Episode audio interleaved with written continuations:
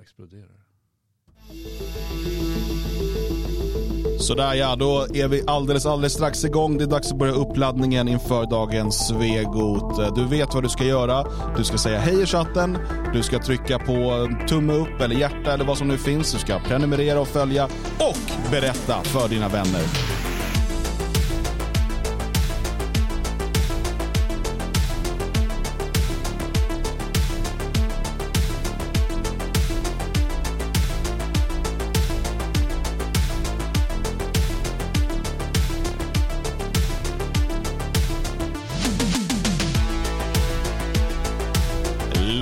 Oss då säga hej till Hans och Vikingen och Kardinalen och Sussi och eh, Tina som har hittat in i chatten på Spreaker.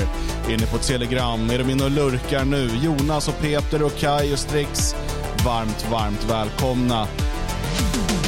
Även ni på Youtube, Håkan och Arbesdam, Arbesdam, Arbesdam, Arbala. Eller vad du nu heter. Thomas, tjena!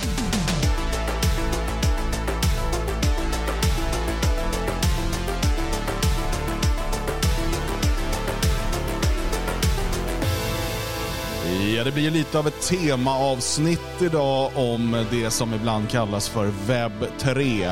Och det är viktigare att förstå än vad du kanske tror, så att eh, häng med i det här avsnittet och var inte rädd för att ställa frågor i chatten under programmets gång. Vi är alldeles, alldeles strax igång härifrån studion i Svenskarnas hus. Så berätta för all dina vänner, se åt dem att nu är det dags. Nu börjar grabbarna.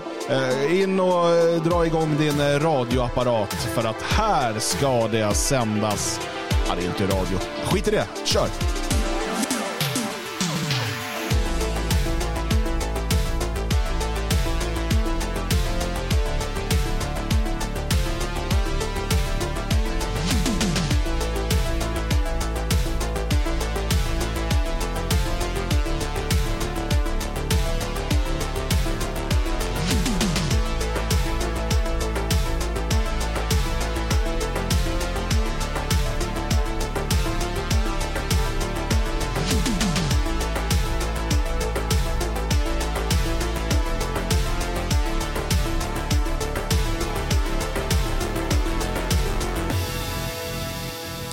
God förmiddag Sverige och välkomna till eh, dagens Svegot den 19 juli 2022.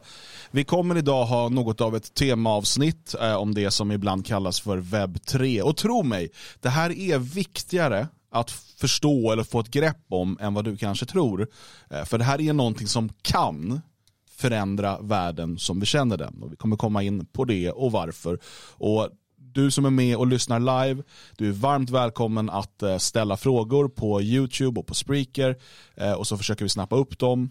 Eh, Björn och Magnus som står här mitt emot mig i Svenskarnas hus, de har gått och funderat kring dessa underliga begrepp och akronymer och kommer också ha en massa frågor här antar jag och jag ska försöka besvara frågorna så gott jag kan.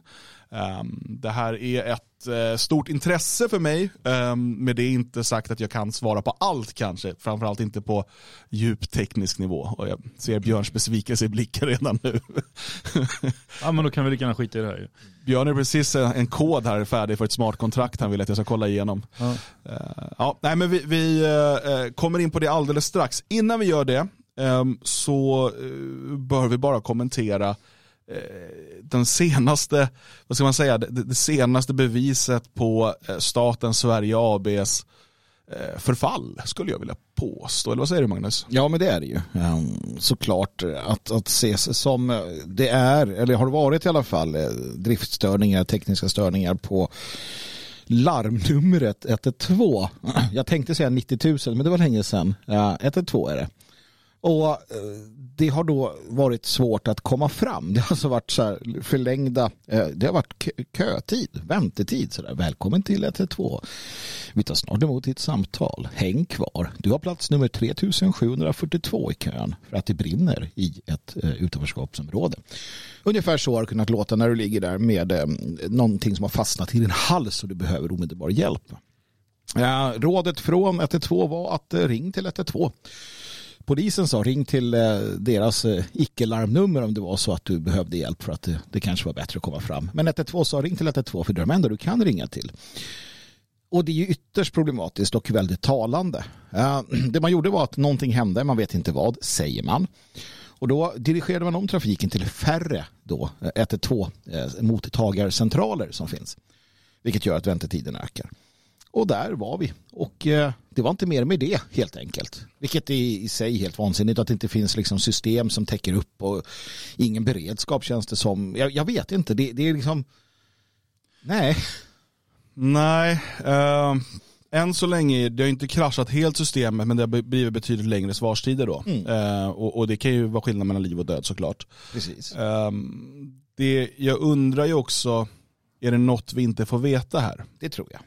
Alltså kan det vara eh, attacker mm. från främmande makt. Mm. Eh, eller ja, främmande makt inom riket. Mm. Eh, människor som, som vill systemen illa. Eh, ett stresstest av något slag. Mm. Eh, för att se vad, vad de här systemen klarar av. Eller är det bara ren inkompetens, eftersatt underhåll, ehm, personalbrist. alltså, eh, för det, man verkar ju inte vilja liksom förklara vad det handlar om och det kan ju också finnas säkerhetstänk i det såklart. Alltså det, det är något som händer på eh, nationell nivå och jag tycker att man bör vara väldigt uppmärksam.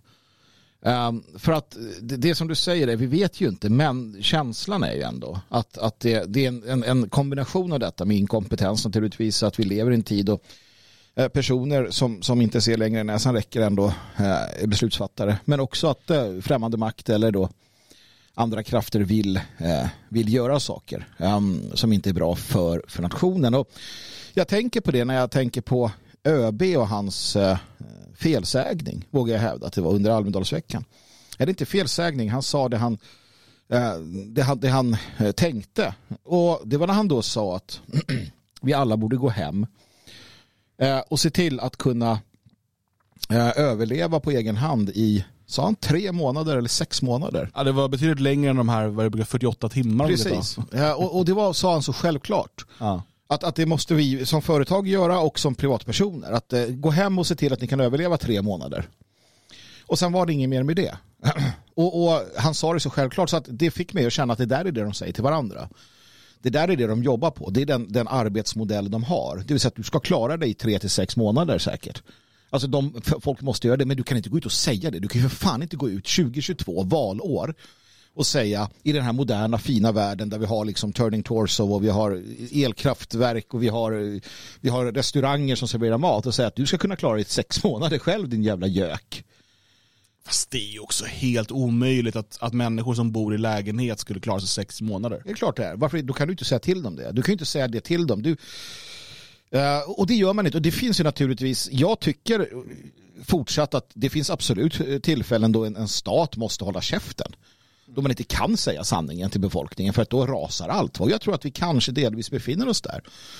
Eh, skulle vi förstå vidden utav de problem som hopar sig så skulle människor alltså, inte gå till jobbet på samma sätt och inte betala sin skatt och inte Nej men man ser ju det på alla plan i hela samhället. Det är ju inte bara inom, eller ja, det är all, verkligen precis överallt. Men det är vägar som inte underhålls. Det är sjukvården som inte fungerar. Det, det är fullsatt. Man, man pratar, ja det är corona och vad hemskt. Så nu, nu är det fullsatt. Men menar, det har ju varit lika fullsatt och över heter det? Överbefolkat heter det inte på, på sjukhusen men uh, över, överbelagt kanske. Överbelagt. Mm. Uh, har det varit år efter år efter år de senaste tio åren. Mm. Uh, ingenting fungerar överhuvudtaget. Alltså, eller all, snarare allting fungerar hjälpligt. Men lite mera tryck någonstans så fungerar det inte alls. Uh, 112-numren jag lyssnade på någon som hade suttit och ringt där eh, i någon akut situation och satt och väntade i fyra, fem minuter innan de svarade överhuvudtaget. Men, så, så där ska det inte, det ska ju inte vara så. Jag tror, de pratar om att snittet egentligen ska vara 14 sekunder eller något innan de svarar. Mm. Eh, nu var snittet över en halv minut. Mm. Snittet, vilket också gör att många svarar de ju direkt på och andra blir fyra, fem minuters väntan. Mm. Eh, det hinner hända mycket på den tiden. Jag tror till och med att snittet normalt sett ska vara fyra sekunder. Ja, det kanske var så till och med. Så att det, det, är liksom, det är flera hundra procent värre. Uh, och nej, men, men, och det är helt sant. Och det finns ju flera anledningar till det här. Jag skulle säga att eh, de två största anledningarna är dels eh, den socialistiska politiken som liksom eh, kväser eh, utveckling, företagande och så vidare som normalt sett är eh, alltså lösningar på problemen. Jag är inte så här marknadsliberal i den meningen att jag tror att marknaden kan lösa allt. Men väldigt många av problemen eh, i ett mer dynamiskt och företagsvänligt eh, klimat eh, kan lösas där. Det, det, andra är såklart den icke-organiska befolkningsökningen, mm. eh, alltså massinvandringen, mm. eh, som eh, liksom gör, alltså bara när man pratar sjukvården till exempel, och vi har pratat om det här många gånger, Tar du in 100 000 nya människor på ett år så ska de här människorna såklart, i eh, tanken då, ha tillgång till skola och vård och omsorg och vägar och, och, och, bussar och vad som nu än behövs för att de här människorna ska kunna leva ett liv som en normal människa. Eh, man pratar om på, på liksom 100 000 invandrare så behövs det åtminstone liksom 300 nya lärare. Mm. Eh, om det, eller det var ännu mer, jag kommer inte ihåg. Det, det är väldigt mycket i alla fall. Eh, och, och liksom eh, tusen nya i sjukvården eller två tusen nya i sjukvården och sådär. Eh, och, och, det här hänger ju såklart inte med. Framförallt, eh, förutom då de personerna som behövs, så behövs det ju för varje år då byggas nya sjukhus, nya skolor, nya och så vidare. För det görs ju inte. Nej, nej, det är klart det inte gör. Det är, det är omöjligt. Ja, nej men det, det, det håller ju på att rasa totalt och, det, och jag menar, säger, ja, men, behöver ni ha tag på polisen så ring vårt andra nummer. Där är det ju ännu längre väntetid. Så jag menar, det, det är ju ingen, i en akutsituation så måste man ju ha ett nummer man kan ringa till. Vill man ha tag i vanlig polis eh, och, och, de är ju nerringda för alla som vill ha sina pass. så, att, så att där får man ju vänta i en timme eller något innan man kommer fram.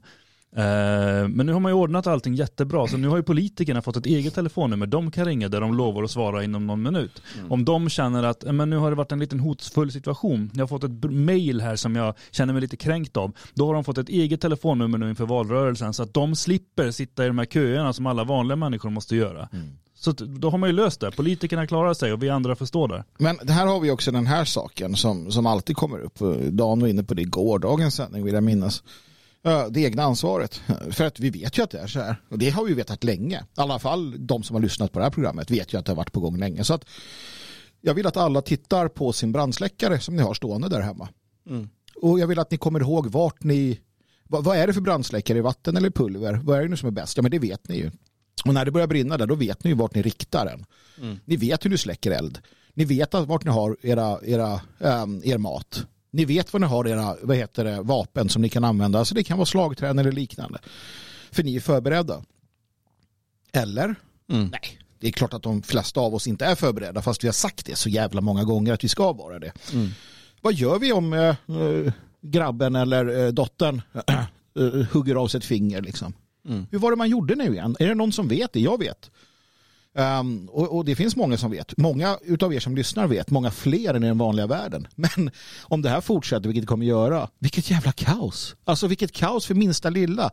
Ha, lilla bubben ramlade och slog huvudet och kräktes. Vad fan är det man gör då? Är det oj, oj, oj, nu vet jag inte. Jag ringer ja, 112. Sen börjar alla ringa 112, för alla ringer 112 för allting nu för tiden också. Mm. Och sjukvårdsupplysningen och så vidare. Jag har lite ont i magen. Jag tror jag måste ringa dem. Alltså, vi, har in, vi är inte robusta som samhälle.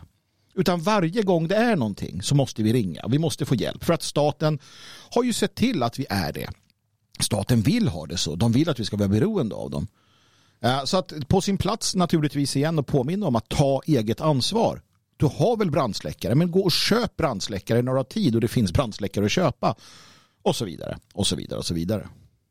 Mm. Ja, um, det, det, vi har gjort lite specialpoddar om det här, hur man förbereder sig och så vidare. Eh, det finns på svegot.se. Eh, men det lär vara ett ämne vi, vi får återkomma till. Eh, och som med allt annat, det gäller ju att inte bara prata om det. Så är det. Och jag vill gärna innan vi hoppar på det här stora frågan för dagen, Dan. Dels vill jag påminna om att det vi ska prata om det är också ett sätt att förbereda sig. Mm. Men innan vi gör det så vill jag lätta upp situationen. Jag vill lätta upp samtalet, Dan. Jag vill rikta en fråga till dig. Mm. Vad kallar man en elefant som inte spelar så stor roll? Uh, statistefant. Irrelevant. Okej, okay, tack. Tack, ja, vänta, måste jag få en sån här också. Eller vänta, en sån här. Nej, men, den är bra. Björn Björkqvist. Ja, den är fantastisk. Jag satt och skrattade i säkert en kvart igår när, när Magnus berättade. Har du berättat den tidigare? Alltså, För honom. det är för att jag hade ju inte klarat av den sändningen annars. Nej, jag var jag att visste att höra Björn skulle kollapsa. Eller som man säger, kalopsa. Det var inte lika bra. Nej, det var det inte. ja, det är de här två ljudeffekterna jag har. Så att, Ja, det är beröm eller sågning av. Eh, Okej, ska vi hoppa in på det här jätteämnet då och försöka bena ut lite grann och, och svara på frågor och, och sådär. Och Jag ska försöka förklara varför det här kan förändra världen. Och jag säger kan, alltså det, det är möjligt att det blir så. För att det är lätt att liksom hypa upp, "Ah, det här är det stora, det kommer förändra allt, bla bla bla. Det har potential att förändra väldigt mycket. Eh, men det är absolut inte säkert att det blir så. Det, är det något vi har lärt oss av eh, våra, hur många år har vi gemensamt? 120 någonting Säkert, säkert. på den här jorden.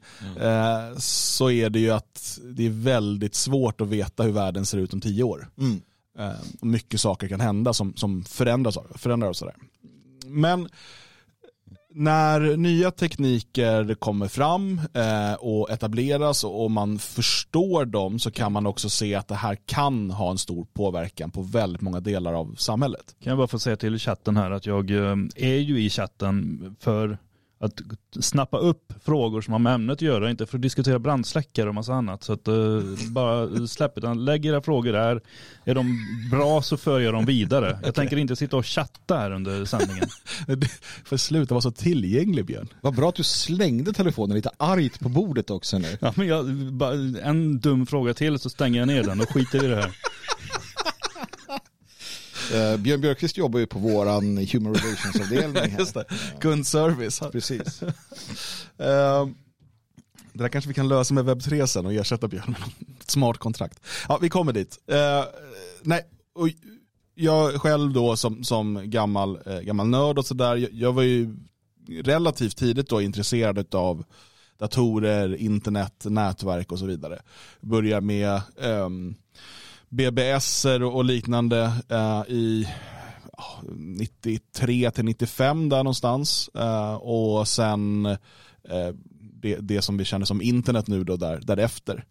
Eh, och började ganska tidigt lära mig eh, grundläggande programmering, webbutveckling och så vidare. Och jag, jag tyckte att det här var hur häftigt som helst och såg liksom att det här är på ett sätt framtiden. Och du som i Matrix, att du såg, i koden såg du så blondiner och sådär. Eh, det var ju många som såg det här. Många, många nördar med mig och såklart eh, liksom, eh, affärsmänniskor som, som investerade och, och, och såg att det här kunde det hända någonting. Liksom.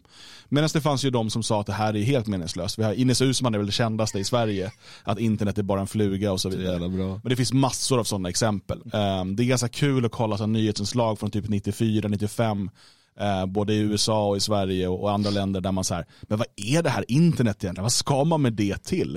Va- Varför skulle jag vilja boka min biobiljett på internet när jag kan gå och träffa en riktig människa?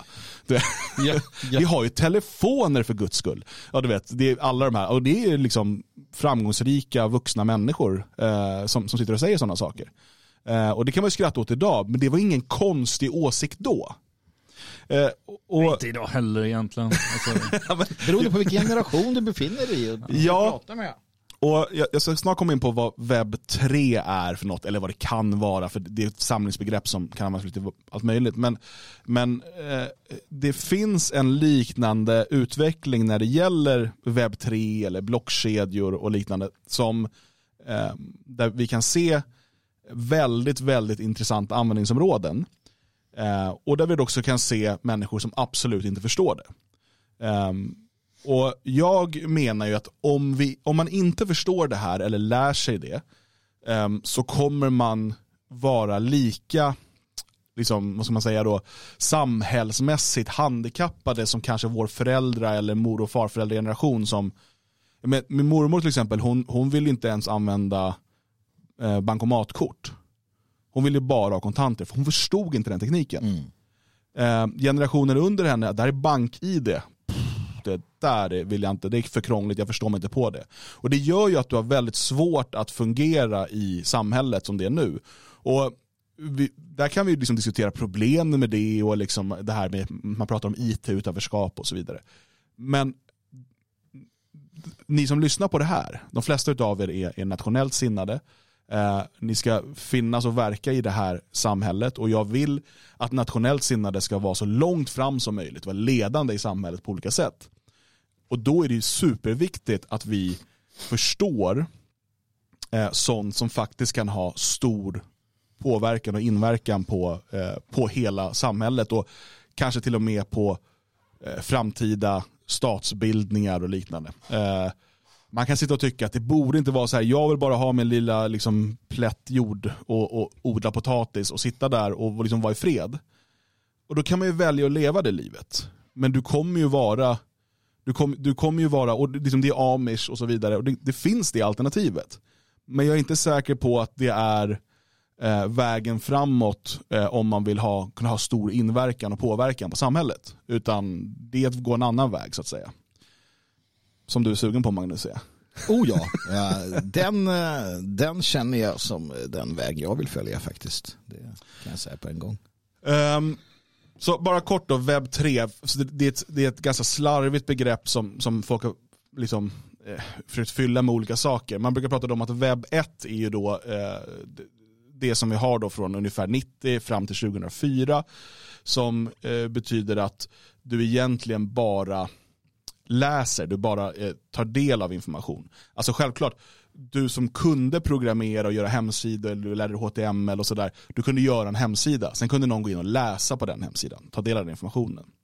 Det som händer sen med eh, webb 2.0 är att vi får det som vi idag pratar om sociala medier och så vidare. Alltså användargenererat material som direkt utbyts via en mellanhand då, som en, en server av något slag, en YouTube eller Facebook eller eh, Twitter. Um, där du både kan läsa och skriva så att säga. Um, och, och, det är ju egentligen det vi fortfarande lever i. Det är den typen av internet. Här växer ju också fram en, eh, dels en oerhörd centralisering utav makten på internet som hamnar hos ett antal stora företag. Som då också kan bestämma vem som får vara med och inte. Eh, som kan bestämma vad som får skrivas och inte. Eh, och, och så vidare. Eh, och, och framförallt så eh, växer det fram en finansieringsmodell där man samlar in alla möjliga uppgifter om dig som användare och säljer till annonsörer. Och Det är så det har finansierats. Alltså, en del tror ju att liksom, Twitter är gratis, Facebook är gratis, Google är gratis. Så är det ju inte, utan du, du betalar ju med din personliga information. Eh, och ja, jag vet, du kan på olika sätt vara anonym och liksom sådär. Men, men, men det är så eh, det fungerar och det i sig skapar eh, en oerhörd makt hos ett fåtal.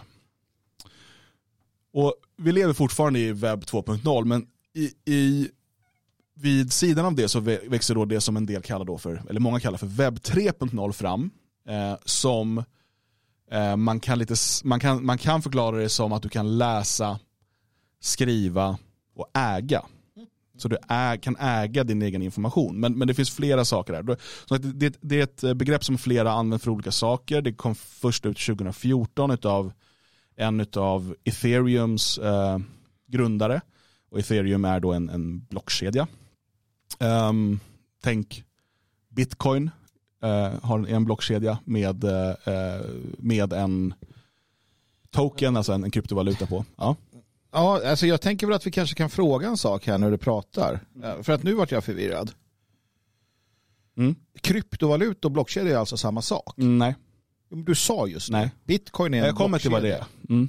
Bitcoin, ja precis. Bitcoin är en blockkedja och en kryptovaluta. Jag har den frågan här, det är nummer sju. Eh, men, men det bara säga då att det finns, kärn, det finns fyra kärnprinciper för vad webb 3 är för någonting. Ett, det är decentraliserat. Så istället för att eh, eh, liksom, stora företag kontrollerar infrastrukturen så är det eh, decentraliserat. Eh, det andra är, och här nu, det kommer vara en del engelska begrepp för jag vet inte hur man ska översätta det riktigt. Eh, permissionless, alltså alla har samma tillgång till webb 3. Det finns ingen som kan stänga av dig, från, alltså som kan stoppa dig från att ta del av webb 3. Eh, som att du till exempel kan bli stoppad från att ta del av Twitter. Um, och uh, nummer tre är att man har inbyggda uh, betalsystem, så att säga. det är det här vi pratar om, kryptovalutor. Um, och, uh, och det fjärde är då det som man på engelska kallar för trustless. Alltså du behöver inte känna den person du interagerar med. Du behöver inte ha en mellanhand som kan verifiera, eh, alltså är typ en, en, en notarius publicus som går och säger så här, ja det stämmer att den här personen är den han säger att han är eh, och så vidare. Eller en bank som fungerar som en mellanhand om ni ska utbyta pengar eller så. Utan eh, det här regleras då via webb 3. Och då, eh, så det är några utav, alltså det här är typ grundprinciperna.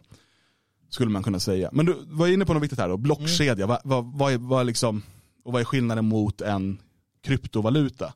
Kryptovaluta är ju egentligen ett, ett så här populariserat begrepp eh, för, eh, för någonting som också kan kallas för tokens eller poletter. Jag har frågor på det också. Ja, men, men en blockkedja är en, eh, om man tänker hur en vanlig databas fungerar, så har du alltså en, en databas, så är ju då centraliserad. Du, du har, säg att du har en server som har en databas, eller du skulle ha ett, ett skåp här med en databas liksom med pappers. Ja. Eh, och då, då finns informationen där och du kan hämta information ur den databasen och du kan skriva information i den databasen. Men någon enskild person eller företag eller myndighet kontrollerar den databasen. Den person som äger eller kontrollerar databasen kan också ändra i databasen utan att du vet om det. Vi har ju, vi har ju eh, äldre lyssnare med oss och det du säger, jag tyckte det var lite charmigt att du hoppar in där. Eh, Ett skåp med papper sa du. Eh, Och det är ju faktiskt, ett gammalt arkivskåp är ju en databas. Det är en databas, Ja, informations... Ja. Och jag tror att det är, mycket, det är lätt att se det framför det här gamla arkivskåpet. Mm. Har arkiv, du har namnuppgifter och så på människor. Ett arkiv över människor som står hos Försäkringskassan. Just det. Där kontrollerar de. sjukjournaler. Precis. Ehm, Kan en dödslista också. ja. Eh, och det är, ju- det är ju då en, en, ehm, en analog databas. Så att säga. Sen, ju- sen har ju det här digitaliserats i de flesta länder förutom Tyskland. ja, ja, nej, precis. Eh, men, men, eh, och, då har man en, en digital databas och, och det, här, det finns såklart mycket mer som man säger, komplexare användningsområden än Självklart. liksom, en, en adressbok. Men, men det kan vara lätt att förstå oss- på det sättet. Låt oss stanna där, ja, precis. Ja. Eh, en blockkedja är en distribuerad liggare, en distribuerad databas. Så att det finns inte ett centralt ställe eller en central institution som kontrollerar informationen. Utan alla som vill, som i en, i en decentraliserad blockkedja som bitcoin till exempel, så kan vem som helst bli en del av det nätverket. Det är då man pratar om mining och så vidare. Eh, du kan välja att eh, bli en del av det nätverket som har den här distribuerade databasen. Vilket i sin tur gör då att du på din dator, i dagsläget kanske behövs en ganska kraftig sådan och sådär, men på din dator eh, har du en, en helt uppdaterad kopia utav databasen. Du och hundratusentals andra. Varför vill man ha det? Ja, det var ju inte alls säkert. Hundratusentals andra har min information. Vänta, vi- där kommer in på det som heter krypto, alltså kryptografi. Eh, när, eh, för ni har en gemensam databas, alltså den här, den här blockkedjan. Där ni eh, utbyter information på olika sätt. Och vare sig det då är transaktioner av bitcoin, alltså utav den här kryptovalutan som man säger. Eller om det är information som ni delar av, an, av andra anledningar. Det kan vara eh, vem som äger vad eller eh, en adressbok för den sakens skull. Eh, men det som händer eh, om du har en centraliserad databas, då vet du aldrig, om du kommer sen och ska läsa ifrån den, det är inte du som äger och kontrollerar den, då vet du aldrig om den här informationen har, eh, har på något sätt eh, redigerats utan din vetskap. Nej, det kan jag ha lagts till och suddats ifrån. Precis, Så- och var förfalskat och så vidare. Ja, I en distribuerad databas, så eh, för att en information ska kunna ändras så behöver den då godkännas utav x antal, beroende på lite hur de kodar den, eh, utav de här olika deltagarna i nätverket. Det här görs automatiskt, sitter inte någon person och kollar igenom och godkänner. eh, men det gör att du kan få, alltid få en fullständig historik över exakt alla förändringar som har skett. Och eftersom att det inte bara sker hos en person eller en dator så är det här, eh, vad man vet än så länge, i stort alltså omöjligt att förfalska. Mm. Utan eh, det distribueras då över hela den här databasen, i hela nätverket. Eh, så att du har exakt samma information, så den är eh, falsifierbar. Eh, och det här skapar dels transparens, så att du kan se eh, att inte något, något fuffens sker så att säga. Men det skapar också det här som jag pratade om, och det kom en bra översättning i chatten, tillståndslös. Alltså att du behöver inte alltså, du behöver inte ha um, lita på just den personen eller datorn du ska utbyta information med. För att ni har nätverket som säkerhet. Alltså den här distribuerade och hela liksom nätverkets kraft av att det den, här, det den här datorn skickar till min dator stämmer för att det har verifierats på nätverket. Vi ska inte bli för tekniska, men, men, men alltså, och det finns nackdelar med det här. Till exempel, det är mycket långsammare mm. än en centraliserad databas. Just det. Um, Men alltså en, en, liten fundering där bara. Om vi säger att jag har en dator, en Atari 64. Nej men jag har en dator av något slag. Commodore 64. Commodore ja, så heter den. Ja. Men så känner jag att eh, jag vill ju vara med här och, och dela nätverk och, och, bli, eller varför tänker jag så? Vad vinner jag på det? Ehm, det är där du kan då i teorin, nu också, om vi kollar på det som bitcoin till exempel, då, som är det största och mest decentraliserade nätverket. Ehm, då eh, använder de någonting som heter proof of work. Eh, det är det här de pratar om att ja, det är så miljöovänligt och så vidare. Så att det man gör då är att man lånar ut sin datorkraft för att hela tiden eh, vara med, dels att uppdatera nätverket, dels att lösa, eftersom att allt också är krypterat, så behöver du datorkraft för att hela tiden eh, hålla igång den här kryptografin så att säga. Mm. Och du lånar då ut din datorkraft och du säger, okej okay, men varför ska jag göra det? Dels kan du göra av ideella skäl för att du vill med och bygga upp det nätverket. Men det är det här som också då kallas för mining. För genom att vara med och låna ut din datorkraft, eh, så varje gång, eh, alltså en blockkedja skapar hela tiden nya block och blocken innehåller information om vad som har hänt under det blockets tid.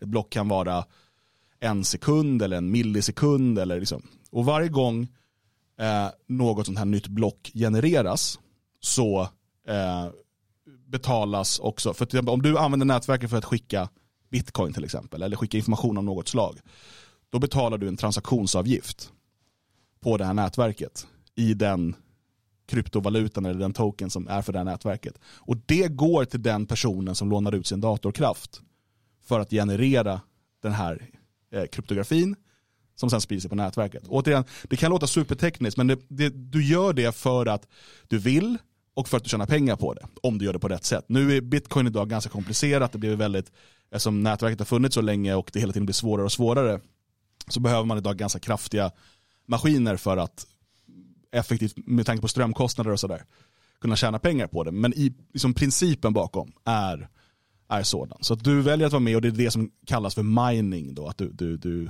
gräver fram bitcoin. Så, så, kortfattat då, en, en, eh, en, en blockkedja, eh, kryptovaluta är alltid blockkedja men blockkedja behöver inte vara kryptovaluta. Kryptovaluta är ju egentligen, för det, det är då vi kommer in egentligen på det här med um, tokens eller poletter skulle vi vara det svenska ordet.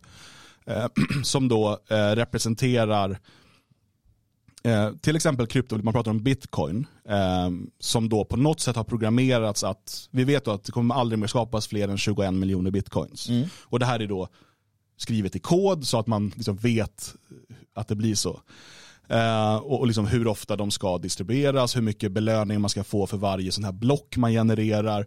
Eh, och det halveras vart fjärde år vilket gör det mer komplicerat. Så allt det där är skrivet i kod. Eh, och ehm, en token kan ju då vara det som vi kallar för kryptovaluta, alltså något som i stort sett erkänner, eller ersätter pengar. Mm. Men en token kan ju också representera andra saker.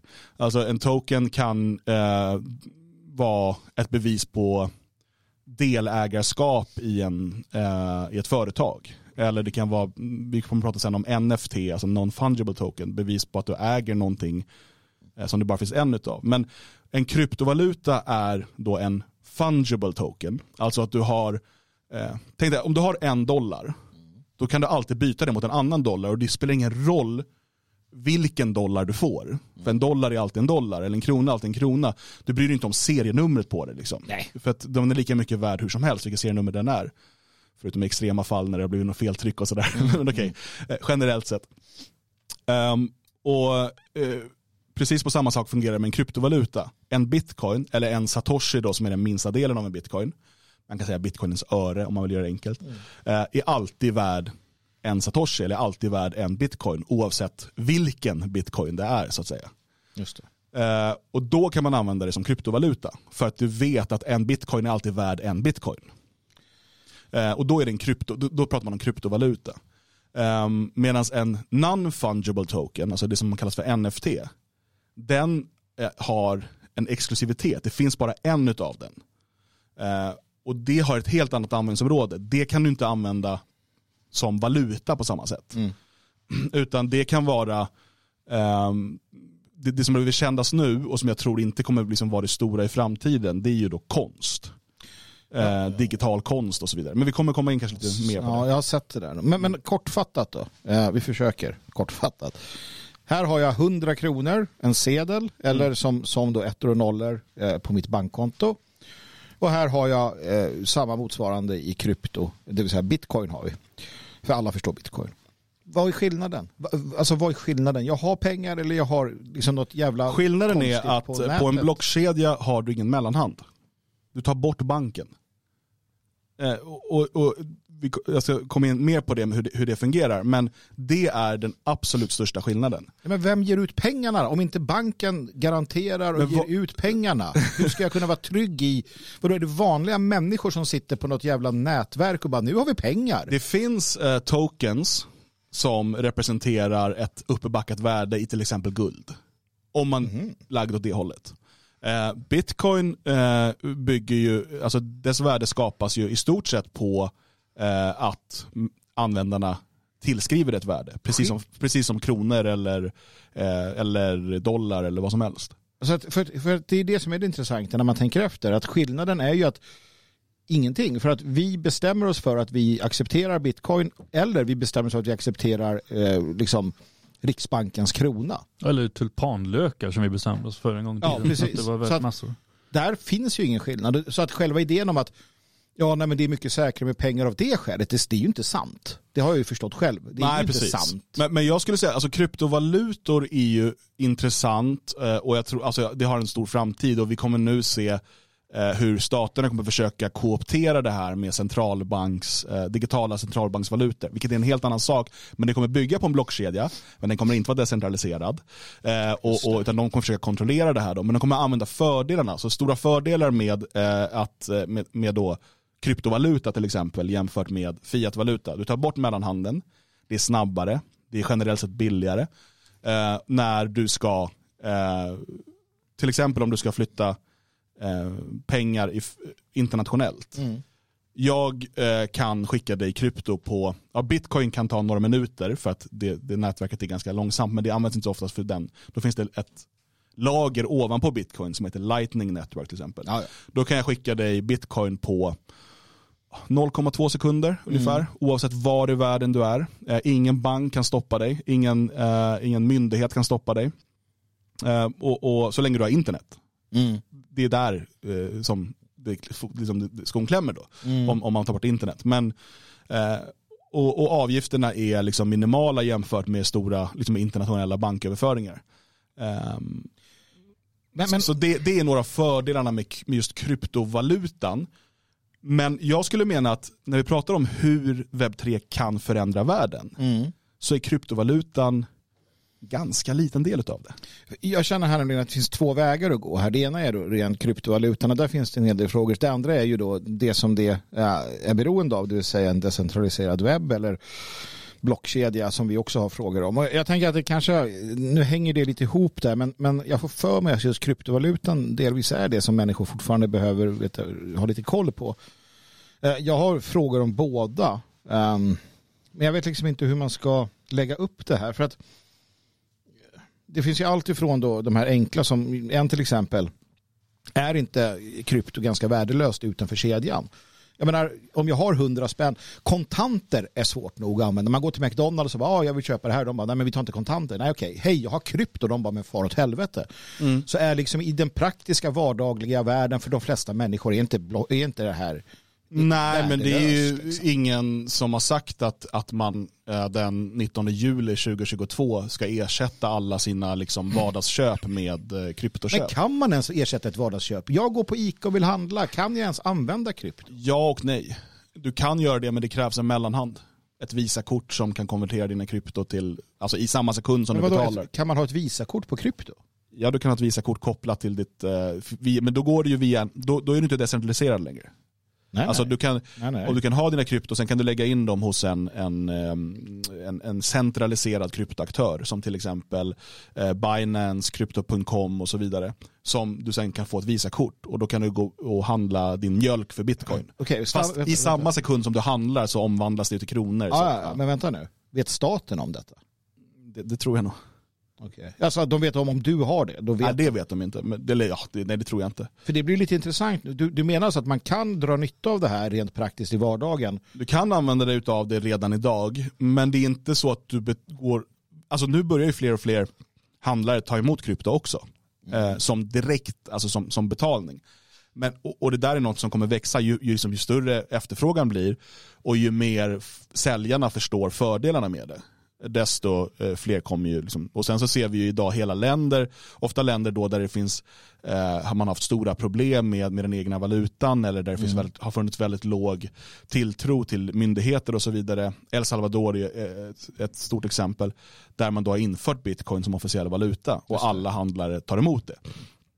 Vi kan se i Afrika växer det också väldigt, väldigt fort och det beror på att man har eh, svaga regeringar, svaga myndigheter som ingen litar på. Eh, och dessutom väldigt många människor som inte får ett bankkonto. Och då, varför ska man då gå liksom böna och be om att få det när vi kan hitta ett sätt att utbyta värden med varandra ändå? Men, men, men, men det återigen, jag ser det som en, en liten bit utav mm. eh, webb 3. För att det som man också bör hålla koll på då, och allt det här som jag pratar om nu, jag vill återigen poängtera att det är väldigt viktigt att du som lyssnar på det här, speciellt om du är lite yngre, men även äldre, men liksom är, är du yngre, speciellt om du liksom är mellan 15 och, och 40 och ska leva i den här världen ett bra tag till. Um, att du tar reda, att, du, att, du, att du fortsätter studera det här och kollar in det här för att dels kan du vara liksom fram, eh, ganska långt fram i utvecklingen om du lär dig om det här nu. Det finns alltså tiotusentals jobb som bara står och väntar på dig med mycket, mycket, mycket betalt. Eh, om du eh, lär dig det här. Eh, det är det ena och, och, sen så kommer du liksom vara före i utvecklingen eh, och kunna förstå din samtid bättre. För att det är inte bara kryptovalutor, det handlar inte bara om, och speciellt så som gammelmedia skriver om det, någon typ av spekulation. Eh, och det finns ju folk som spekulerar i det, det finns folk som spekulerar i aktier eller guld eller olja eller vad som helst spekulanter eh, finns på alla marknader. Men det är inte det som är poängen. Det är därför det är ganska tröttsamt när man försöker förklara blockkedjor, webb 3 och hur det påverk, påverkar och kan påverka världen. Att alla frågar så här, men har inte bitcoin gått ner i värde? Det är liksom mm. irrelevant eh, för, för den här saken. Eh, och jag såg att någon skrev i chatten, så, men har inte bitcoin kollapsat? Nej, absolut inte. Det, det, det, det vore helt galet att påstå det. Bitcoin är just nu eh, en bit över sitt näst senaste all time high i dollarvärde. Alltså eh, Bitcoin eh, hade, sin, eh, hade en peak där var det 2017 tror jag. Eh, då man var uppe mot 20 000 dollar. Mm. Sen gick man ner till 5 000 dollar eh, och sen gick man upp nu till 60 någonting. Mm. Och nu är man nere på 22-23 000 tror jag ligger idag kursen. Eh, så man, eh, om du jämför det med dollarn till exempel, som varje år, alltså dollarn har bara gått neråt. Sen man gick ifrån guldmyntfoten mm. har dollarn bara gått ner varje år. Det enda hållet dollarn kan gå till är noll. Det, det, är, det, enda, det är det enda målet dollarn kan ha. Mm. Dollarn förlorar i värde varje år. Eh, om du 2000, vi behöver inte överdriva då och ta 2009 för det, det, kan bli, men säg att du 2015 mm hade du köpt dollar eller bitcoin eh, så hade de varit olika bra investeringar. Hade du köpt dollar eller Tesla-aktier, olika bra investeringar. Mm. Dollarn förlorar värde varje år, samma sak med kronan. Det är det som är inflation. Eh, och nu har vi ju en otrolig minskning. Mm. Men, men återigen, det är, och jag, jag är inte här för att liksom ge investeringstips, utan tekniken som webb 3 möjliggör kan förändra världen. Men, men då känner jag att det är på sin plats. För att jag, jag, jag- vill ju vara med och förändra världen. Och du pratar lite om att man kan vara utanför systemet och så här. Och, och blockkedja låter ju spännande. Men Okay, alltså så här, jag kan inte knacka kod som du. Och jag fattar inte allt det här. Men kan jag använda blockkedja utan att kunna... Och då menar jag inte ekonomiskt utan för information eller för, inte vet jag, blogg eller skriva brev eller vad fan det nu kan vara. Titta på, titta på film, lagra film som man förbjuder. Eller, alltså kan jag använda blockkedjetekniken eh, utan att behöva kunna knacka kod för våra syften och intressen? Och hur fan gör man det? Det kan du, men framförallt kan du också lära dig koda. Det är en av de största myterna om att det skulle vara svårt att, att, att lära sig grundläggande. Självklart, du kan inte bli, förmodligen kan, kan du inte bli bäst i världen. eh, och, eh, och, och, och folk har olika fallenhet för det. Men det är klart att du kan, du kan lära dig att läsa kod, du kan lära dig att koda och så vidare. Men sen finns det ju en massa tjänster som redan idag använder blockkedja. Allt ifrån eh, spel, eh, som, som, som på olika sätt ligger på blockkedjan. De flesta av dem är ganska dåliga idag skulle jag säga.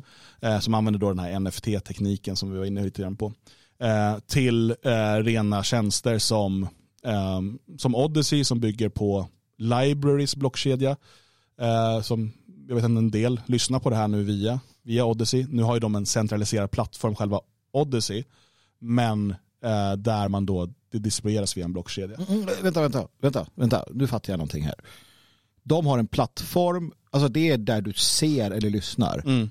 Om den säger så här, nej ni får inte vara med, Mm. då är informationen kvar. Mm.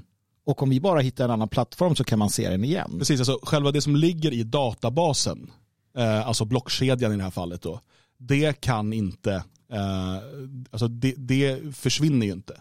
Däremot, det som du som normal användare besöker är ju oftast någon typ av glättig hemsida som hämtar information från databasen. Så när, när YouTube raderade allt vi hade gjort, då är det Ja. borta. Då är det borta. För det lagras centralt i deras databas. Men om, om de där skulle då säga nej, då är det, det är ju, bara det är ju väldigt Ja, sen intressant. sen eh, kan man problematisera det där mer för att eh, det du egentligen sparar på blockkedjan hos Library då som det fungerar, det är en länk till en videofil. Mm. Och var den videofilen sparas är än så länge centraliserat. Dock finns det, man, alltså det finns lösningar på det. Eh, och det finns andra aktörer eh, som, som har en ännu mer decentraliserad lösning. Men, men alltså poängen är ju densamma. Alltså, eh, och det är en teknik som är lite i sin linda. Men, men jag skulle vilja prata om en annan sak också som, eh, som faktiskt, när jag pratar om det här att det kan förändra världen, det är inte bara hur vi konsumerar media eller, eller, eller chattar på nätet eller vad vi nu än gör. Eh, någonting som har vuxit fram med eh, blockkedjor är något som kallas för DAO. D-A-O och det står för decentraliserad autonom organisation.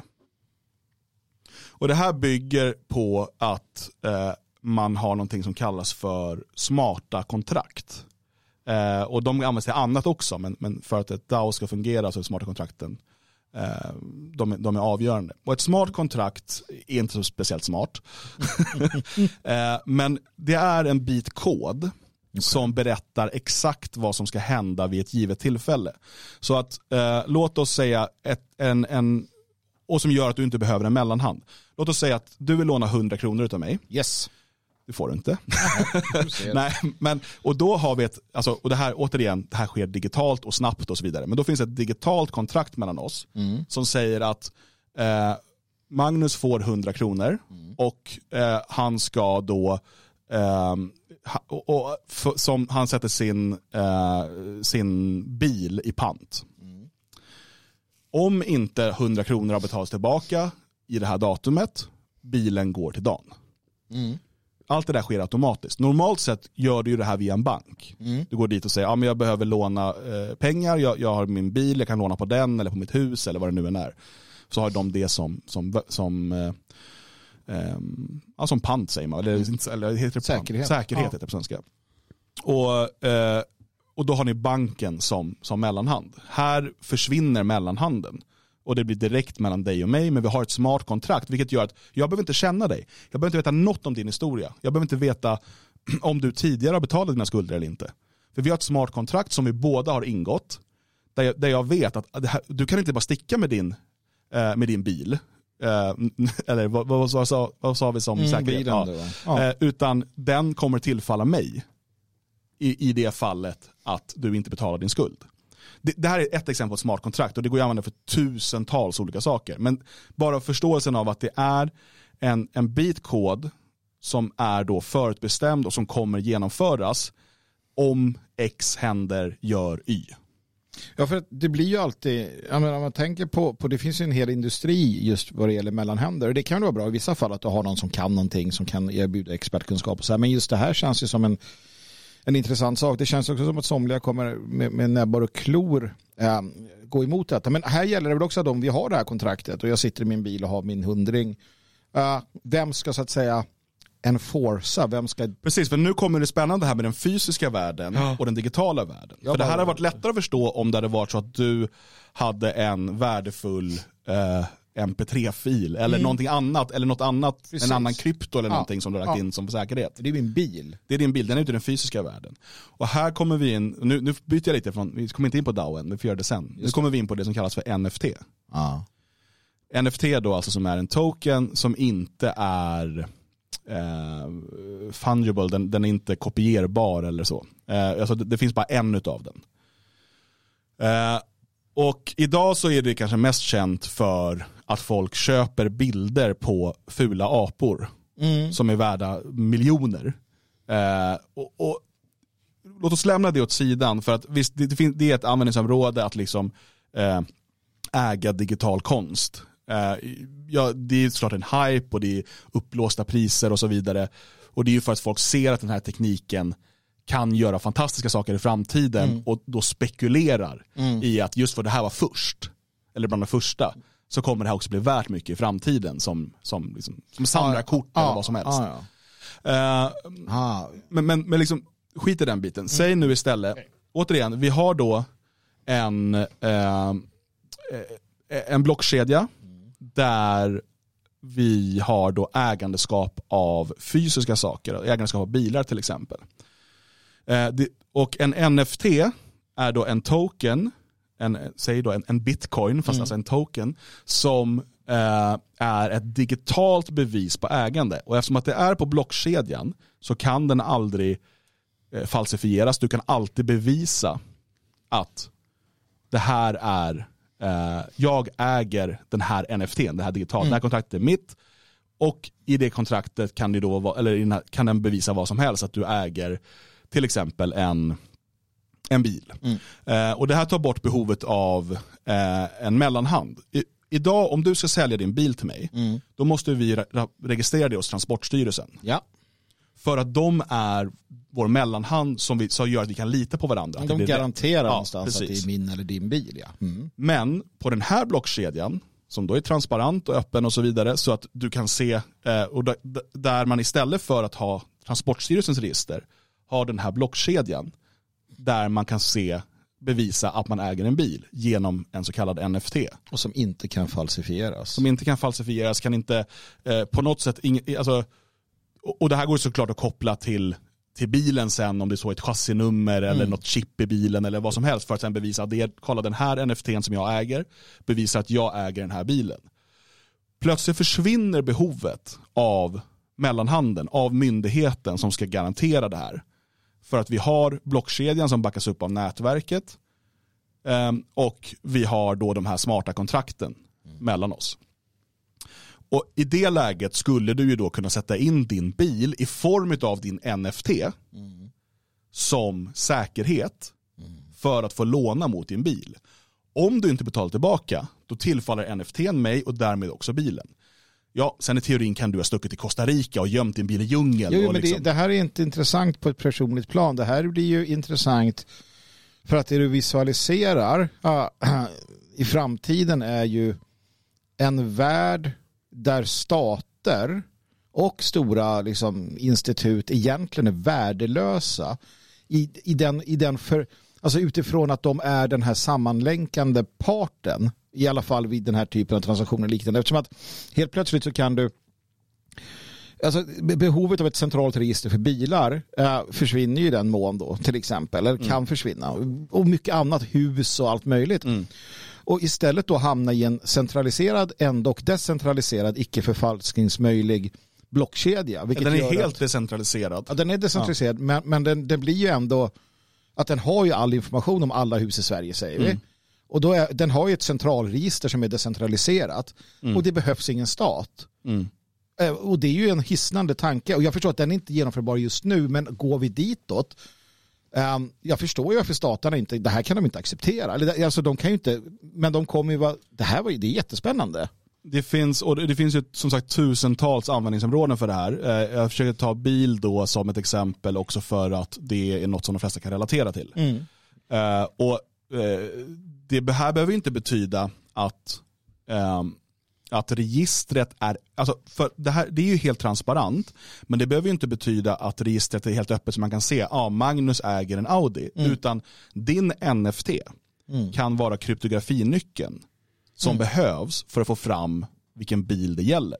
Just det. Utan på nätverket så är det bara en massa eh, randomiserade siffror och bokstäver och tecken som motsvarar din bil. Men när du har den här NFTn och, och, och, och, då med ett lösenord eller hur man nu har liksom skyddat den. ehm, då kommer det fram, ah, det är en Audi från, från 2028 för det här är ju framtiden. Ja, precis. Eh, och, och, så att det, man måste också tänka, för det kan låta så, ja men det här är helt, helt öppet och transparent eh, när alla kan se in i databasen. Jo men du ser den krypterade databasen. Men du kan se att den är exakt samma där som den är på 300 000 andra deltagare i nätverket. Vilket gör att ni vet att det här stämmer.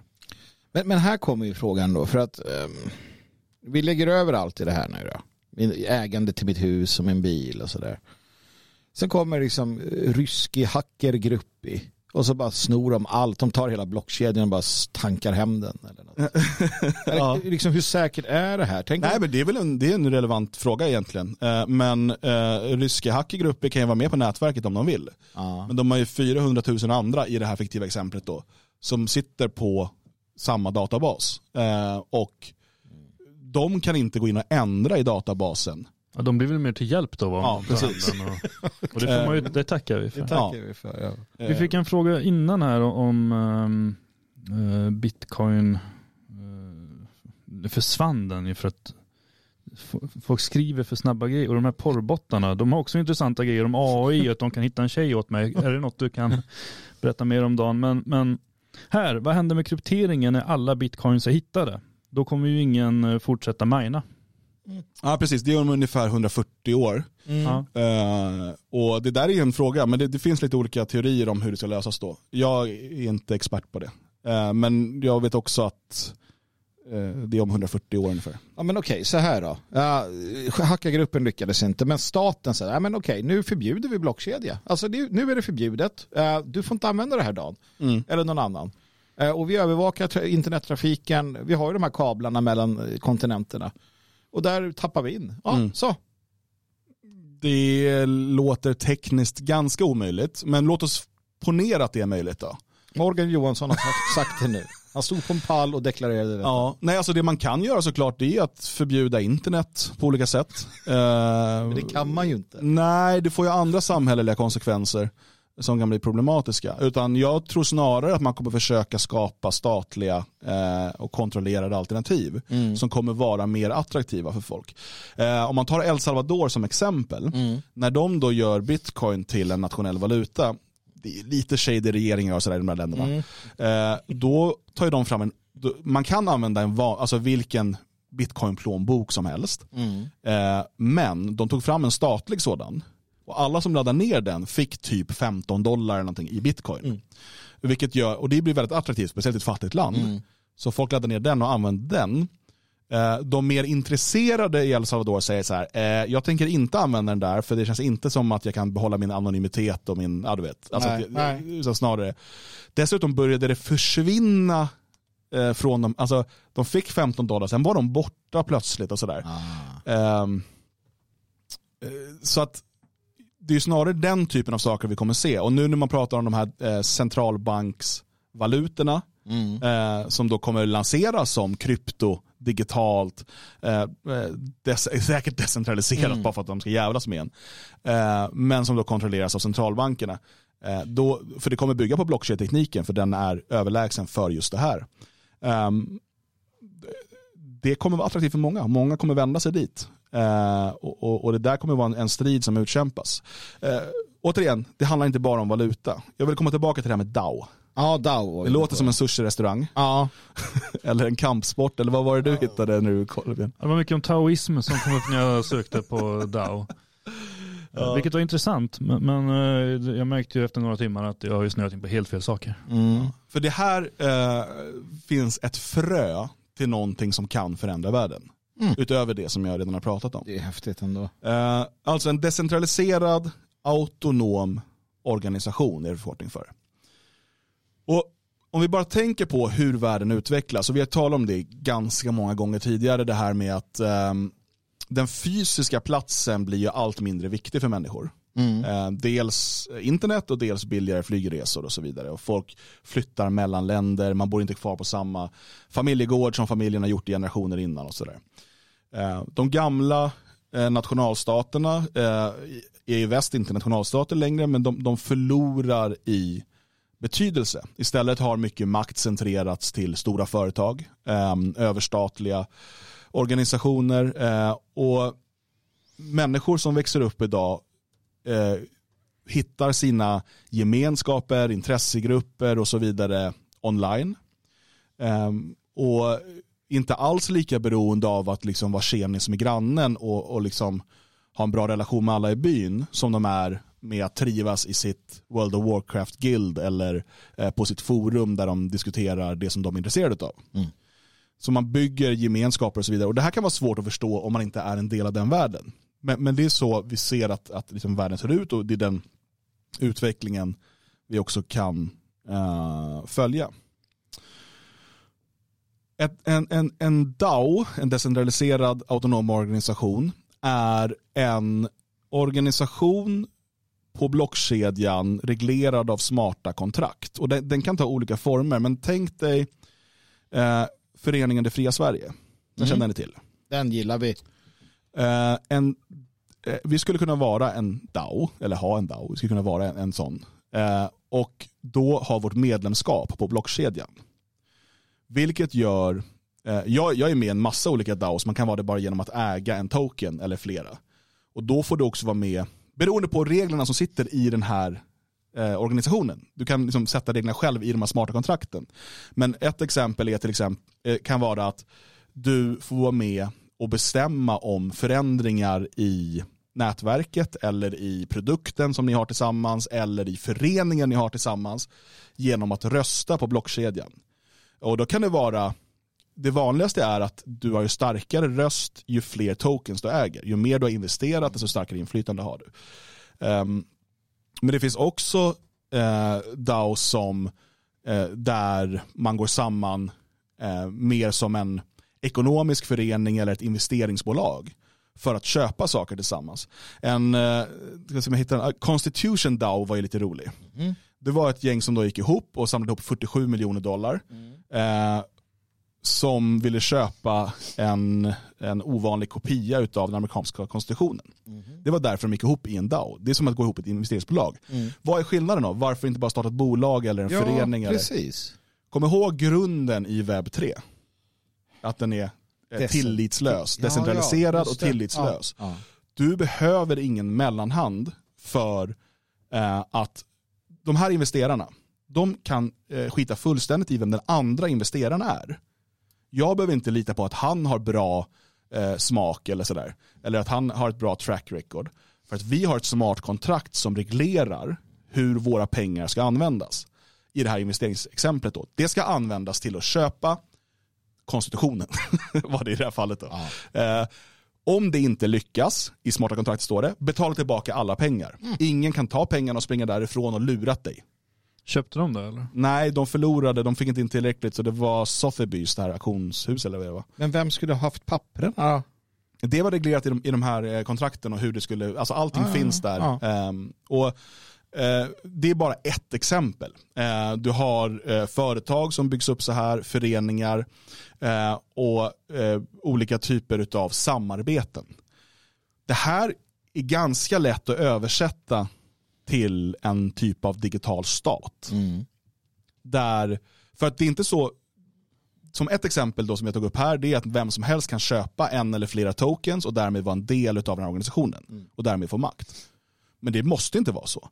Det kan också vara så att, eh, att, eh, det, krävs, alltså att du, det krävs att du blir inbjuden. Det krävs eh, att du, när du ansöker eh, om att få, vara med i den här organisationen, då hålls en omröstning av alla som redan är med i organisationen. Ska den här personen tas med? Mm. och så vidare. Och allting sker digitalt utan att det behöver träffas eh, och helt transparent i, i den formen av att det är på blockkedjan. Mm. Och det, det här, eh, när man förstår kraften i det här jämfört med nuvarande former, där vi gör, vi gör ju samma saker idag fast i liksom, andra former, eh, så förstår man också att det kan förändra världen. För att jag ser de gemenskaper som växer fram nu på nätet i olika sådana här decentraliserade organisationer av alla möjliga slag. Där folk går in och är beredda eh, att säga, ja men jag kommer lägga in tusen dollar i månaden. Eh, det kan vara ett krav för att vara med i en DAO. Jag kommer lägga in tusen dollar i månaden och tillsammans ska vi göra det här. Det kan vara investeringar, eh, det kan vara eh, fundraising för vi har, vi har till exempel nu, jag tror den heter Ukrainian DAO eller någonting. Och då har de bara gått ihop, i det smarta kontraktet regleras, ja, och det ska gå till Ukrainas militär till exempel.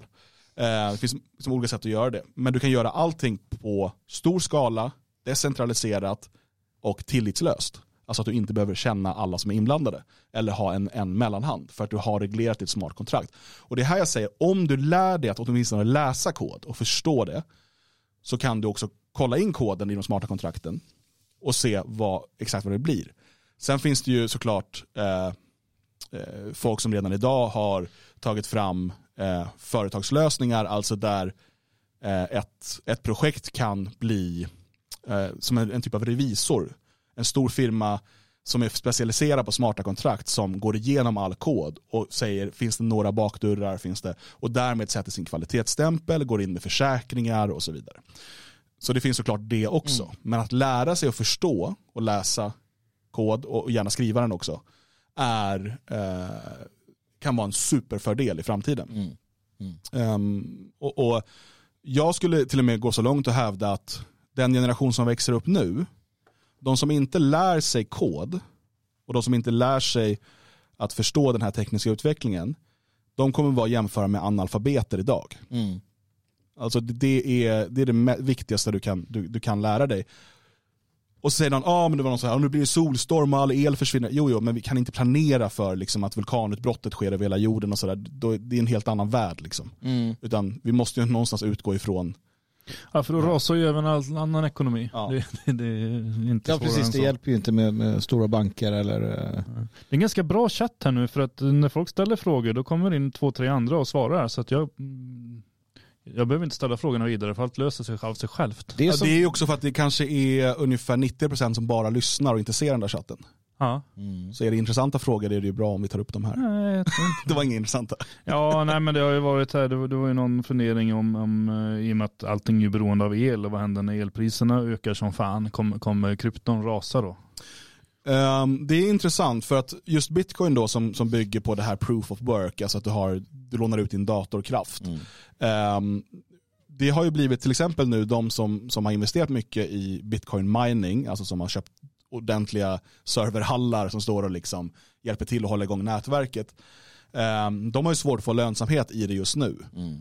Ehm, men det gör ju att det blir dyrare att eh, ta fram nya bitcoin, vilket gör att bitcoinpriset går upp egentligen.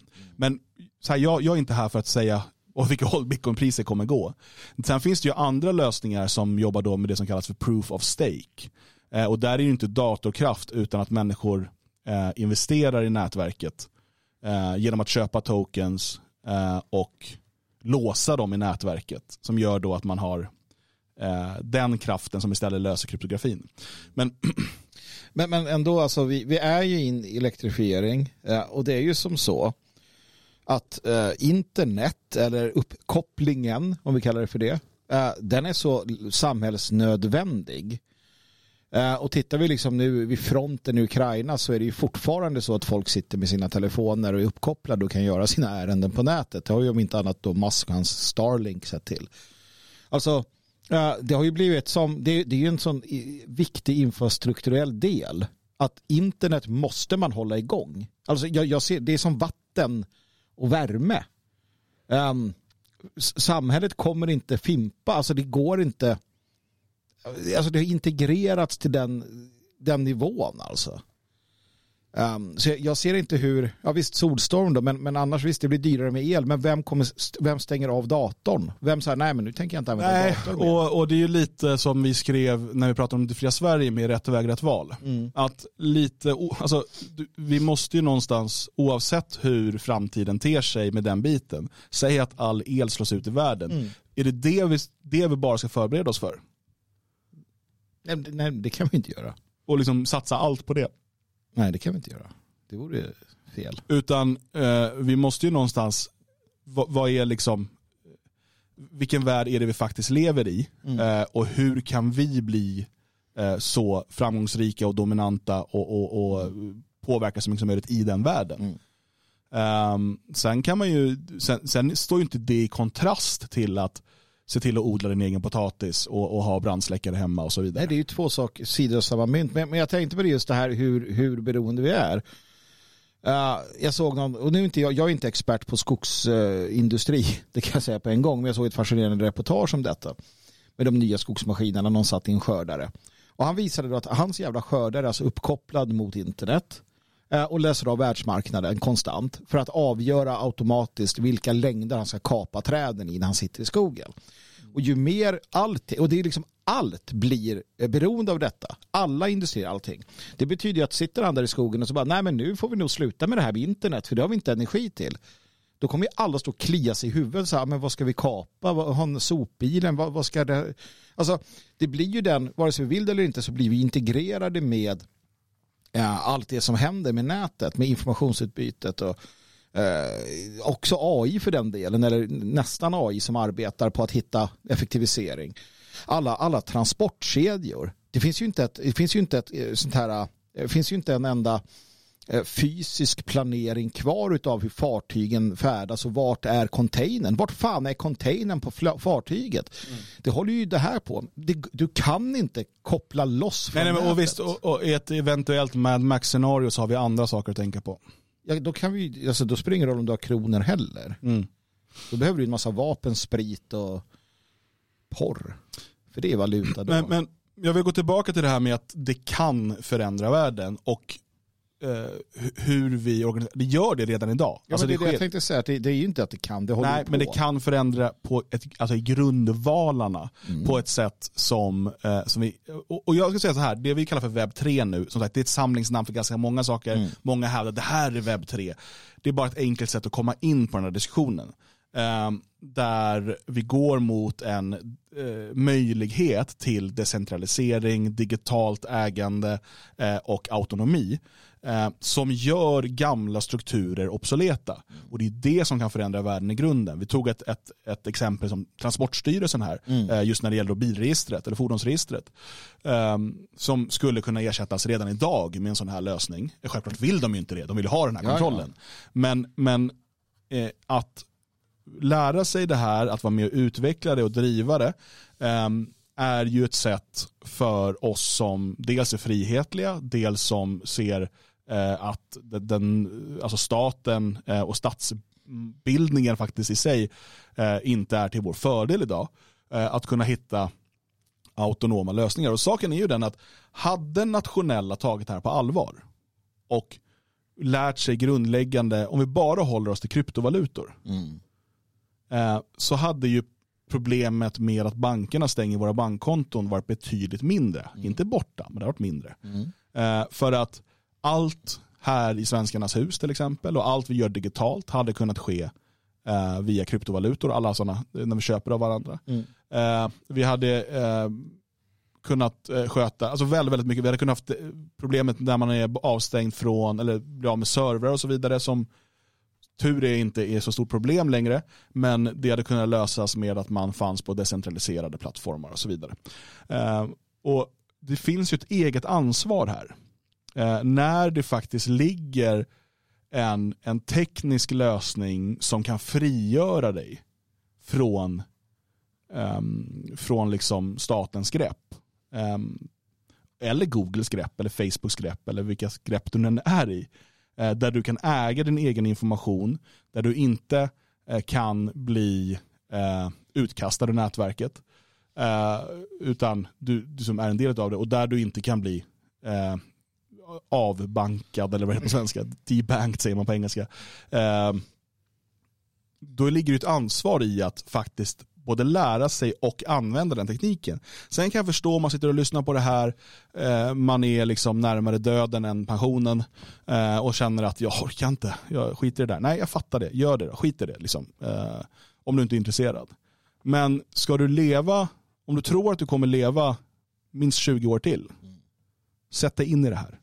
Eh, lär dig, börja använda det. Jag pratar återigen inte om att du ska spekulera i bitcoin. Vill du hellre spekulera i en valuta som alltid går ner, köp uh, uh, stablecoins, alltså sådana som är bundna till exempel dollar eller euro. Den kommer gå ner i värde varje år, men då kan du känna dig trygg för att uh, det är samma som Merkel använder. Liksom. Mm. Uh, men det handlar ju liksom inte främst om det. Sen tror jag att om du är riktigt intresserad och du sätter dig in i det här, då kan du hitta superintressanta projekt som du kan investera i, alltså kryptovalutor eller token som du köper för att se att det här projektet kommer växa och därmed gå upp i värde. Men det kräver ju ditt eget intresse, din egen research och så vidare.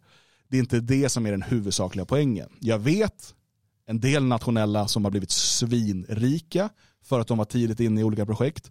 Eh, och jag vet att många fler miljonärer kommer skapas den vägen. Men det är inte huvudpoängen. Huvudpoängen är att förstå eh, hur, det här, eh, hur de här systemen fungerar och hur de kan ersätta det vi gör idag.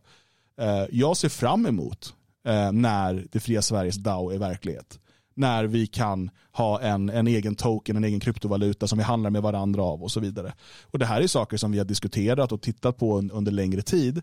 Ehm, de de så här tekniskt intresserade som finns i, i föreningen. Och vi har blivit kontaktade av eh, människor som, som arbetar med den här typen av teknik och skulle gärna vilja hjälpa till och sådär. Eh, men det kräver också eh, stora utbildningsinsatser från vår sida. Eh, men det kräver också ett stort intresse från dig som vill bryta dig fri från eh, globalisters och, och staters makt. Men som vanligt är det ju också så att ehm, eh, problemet med demokrati det är att de flesta människor är ganska ointresserade av att sätta sig in i vad som händer. Det kommer de vara här också. Ja, och det jag vill säga är ju att det finns ju också en, en, en fantastisk eh, väg framåt som heter du kan vara lite bättre. Eh, och det är ju samma sak om du går och tränar fyra gånger i veckan eller två gånger i veckan på gymmet då är du lite bättre än den som aldrig tränar. Um, om du uh, lär dig lite mer om något än någon annan så är du lite bättre. Och det är lite samma sak här. Om du tittar på det här lite mer än någon annan så har du ett jävla försprång. Uh, och här finns ju de här mellanhänderna som vi var inne på när det kommer till till exempel krypto. Uh, där du inte behöver kasta dig in i det stora okända utan det finns mellanhänder. Men mellanhänder som ändå gör det möjligt för dig att vara lite mer anonym. Att du kan göra saker med pengar som staten kanske inte riktigt ser. Och titta på det. Alltså vara lite bättre uh, än, än din nästa i detta. Uh, för att det gör att om alla blir lite bättre på det så blir den kollektiva kraften i att vara lite bättre ganska mycket bättre. Och då drar de som kan det här väldigt mycket och när de lanserar DFS DAO, vad det nu, eh, när det nu blir, eh, då vet du att ja, men det här är en bra grej. Så att då hoppar jag på den för jag har den förmågan att göra det. Uh, och så vidare och så vidare och så vidare istället för att säga nej jag tänker inte ha med den här skiten att göra det här är bara dumheter det har en gubbe på en reel på Instagram sagt för att om du bara visste vem som ägde bitcoin så skulle du fly från den. Som jag har sett en sån här gubbe. Jag ser också sådana som Warren Buffett och andra sitter och alltså människor som har hängt upp hela sin förmögenhet på fiat-systemet och det mm. moderna banksystemet sitter nu överlägsna och säger det här blir det aldrig någonting av. uh, varför de säger det kan man ju då räkna ut med arslet. Um, så att nej, bli lite bättre. Alltså ha det som, som mål, att bli lite bättre, förstå lite mer än din nästa. Mm. Sen, sen, finns det ju mycket liksom hype och, och, och scams och, och sådana saker som, alltså, det finns människor som, som du vet, ja ah, men köp bitcoin nu, du kommer bli miljonär imorgon. Mm. Eh, och, och, det kan vara för att de själva tror det. Det kan också vara för att de vill på olika sätt få upp priset genom att många vill köpa. Um, eller de startar ett eget projekt och säger det här kommer revolutionera världen och här kolla här hur rika ni kommer bli om ni mm. köper det här. Um, så att det, det är väldigt viktigt eh, att man kan göra sin egen research. Och om du inte, alltså, och det, det betyder om du inte kan eh, liksom förstå koden och, och sådär, vad kommer, vad kommer det här verkligen göra? Eh, så finns det tusentals eh, liksom, forum och, och, diskussionsplatser på nätet där folk gör den här researchen. Mm. Eh, sen kan det vara folk från konkurrerande projekt som skriver skit, alltså som det alltid är. Men tro inte bara på allt eh, som, som en säljare säger till dig. Jo, varför skulle de? Varför skulle de? ja, men det, det är viktigt, jag, jag, det finns ju folk, det var ju något, jätte, eh, något jättelurendrejeri från, eh, ehm, jag tror att det var ett svenskt bolag, eh, och som sålde in då, man skulle bli så jävla rik, det var något pyramidspel mm. i grunden och sådär. Eh, och sen stack han med alla pengar och sådär. Och det var ju pensionärer som köpte det. Mm. Han ringer och säger, det är nya bitcoin, lalala, du vet. Jo. Och så, så att eh, jag kan, jag förstår, det finns hur mycket eh, så här, jag tror alla nästan har fått reklam så här typ Filip Hammars hemlighet, så blev han miljardär. Just det, jag nappar på det. Mm. och så ska man typ, eh, ja, men det, det finns massa sådana lurendrejerier. Uh, så jag kan förstå att folk är liksom oroliga sådär också.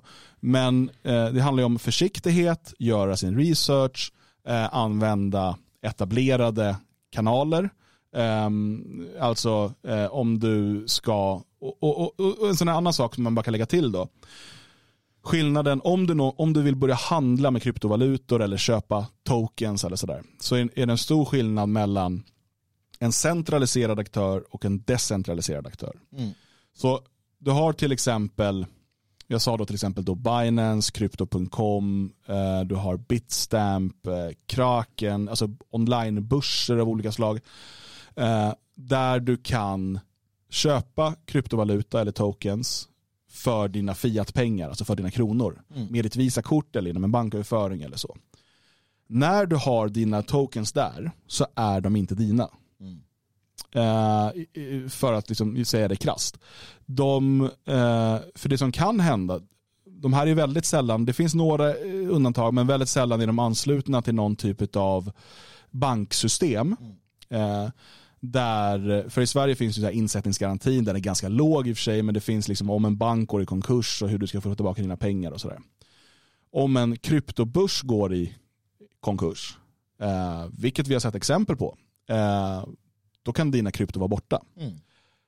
Men det är därför du ska ha inte mer än vad du behöver ha för att köpa och sälja om du nu håller på med sånt eh, på börsen, utan du ska ha det i din egen decentraliserade plånbok.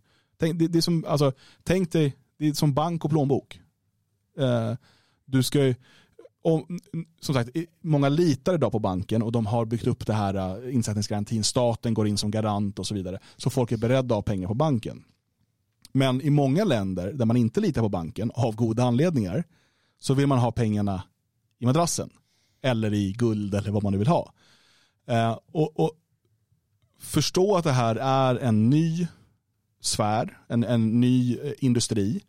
Eh, och det betyder att eh, eh det är ganska oreglerat, vilket är bra tycker jag, men det är också eh, jag tror att det, regleringar kommer komma när det gäller de här centraliserade kryptobörserna för att, och det kommer hjälpa människor att komma in i det. För att de kommer kunna lita mer på det. Det går upp, finns liksom garanter bakom och sådär. Och det växer redan idag fram eh, på olika sätt. Men det du kan göra då det är att sen ta ut dina bitcoin i det här exemplet då, eh, och ha dem i din egen plånbok. Det är digitalt såklart. Du kan också skriva ut det. Så här, men, ja. Eh, och, ja. men, och, och, och det här, det finns en massa information på internet hur det fungerar. Du kan antingen ha eh, liksom, du kan ha det fysiskt på olika sätt och sådär. Och det skulle jag rekommendera, så fort du börjar komma upp i ansenliga summor eh, ska du inte ha det liggande på en börs. Eh, om du, alltså för att då är, i det läget är de inte dina. Eh, det är inte din, eh, din krypto, utan man brukar säga inte dina nycklar, inte din krypto. Men när man Eh, ska börja med det, om man säger, Ja. för, för det var ju någon fråga här, då kan det vara smidigt att gå in på krypto.com. Precis, och, och så börjar man där och köpa och handla och liksom, det är också en ganska etablerad aktör liksom, så att det finns eh, liksom viss förtroende. De har visat nu under, till exempel Crypto.com då, under eh, finanskrisen som är nu, att de liksom står, står ganska starkt och sådär. Eh, men börjar man prata om liksom stora summor, eh, och det kan man avgöra själv var den gränsen går, eh, då börjar man ju titta på att liksom säkra upp sina eh, tillgångar någonstans istället för att ha dem liggande på, på banken så att säga. Mm.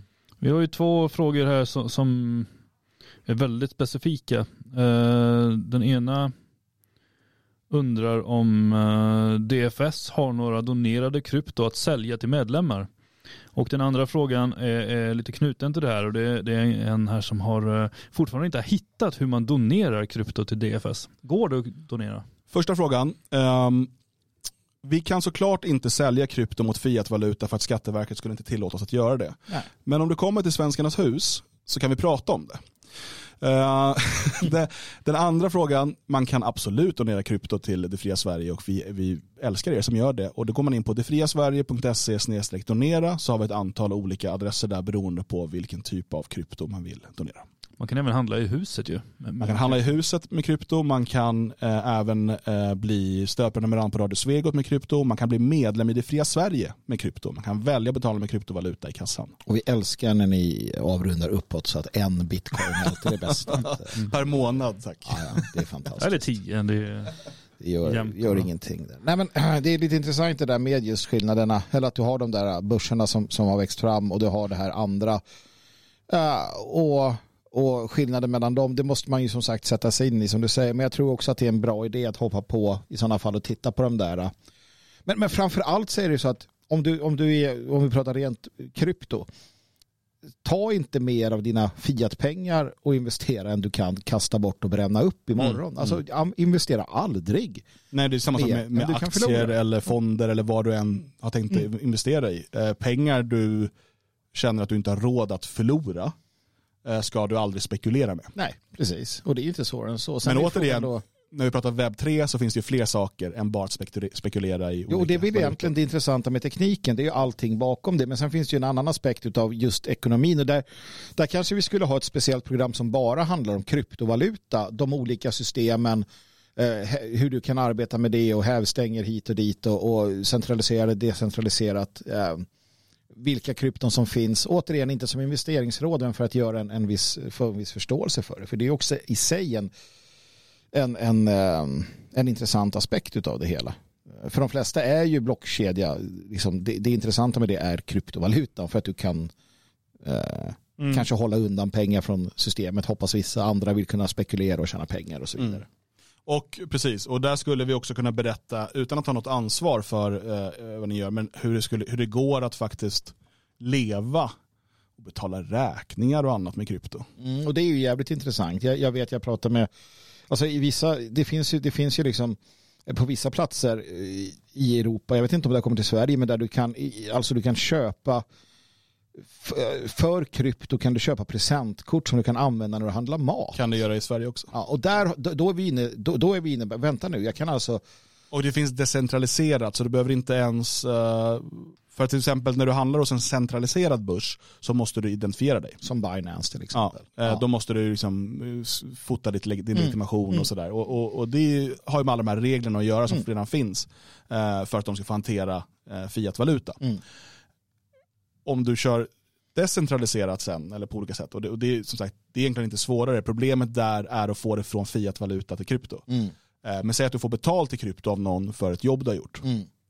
Då kan du sen decentraliserat, utan att det någonsin nuddar någon av de centraliserade börserna, byta det mot till exempel ett, eh, eh, ett presentkort på Amazon. Eller på, eh, alltså någonstans an- där du liksom vill handla. Precis. Eh, Det är ett sätt. Sen kan du göra utbetalningar direkt till IBAN-nummer och sådär. Det finns, det finns en Mm. hel del eh, intressanta lösningar. Men, men det är kanske är ett annat program någon gång i framtiden. Ja, för det intressanta här blir eh, att de flesta kommer, kommer så att säga knyta upp det här mot Binance eller mot Crypto.com eller liknande. Det, det kommer man göra. Och då kommer det vara pengar som finns i systemet. Det intressanta blir ju när man börjar just hjälpa varandra.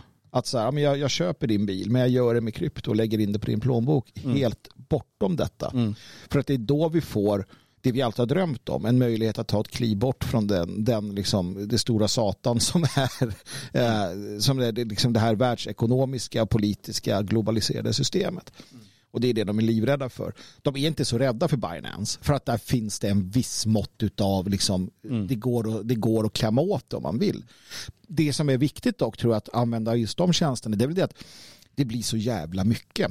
Alltså våra staterna sitter ju och vet inte vad fan de ska ta sig till och vi såg ju Goldman Sachs, de bara, "Nej, men vi köper en massa bitcoin, skitsamma. Can't beat them, join them. Så det blir ju också en, en viss, liksom, eh, att, att det världsfinansiella systemet går in i det här.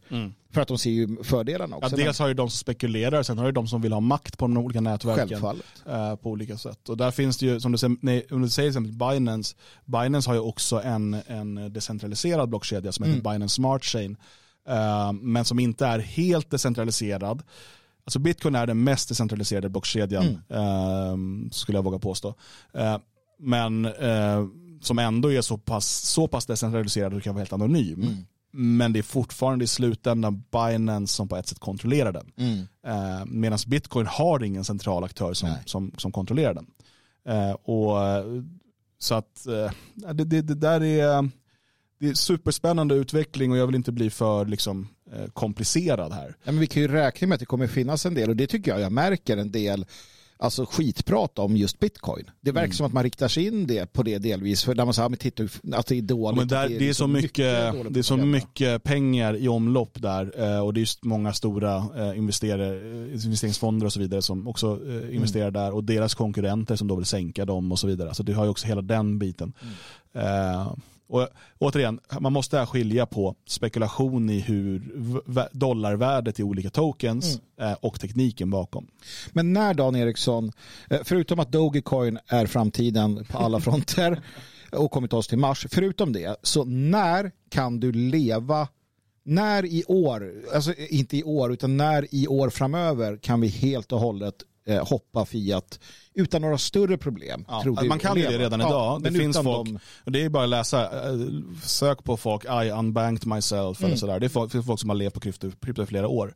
Eh, Men det kräver en ganska speciell livssituation. Det är svårt att betala förskolavgifter och sådär idag. Till exempel. Precis, ja. Ehm, så att det, det är inte för alla idag. Eh, och jag, alltså centralbankerna och, och, och staterna kommer försöka hålla hårt Mm. såklart. Så jag tror att eh, de allra flesta kommer behöva ha parallella Mm. liv och ekonomier.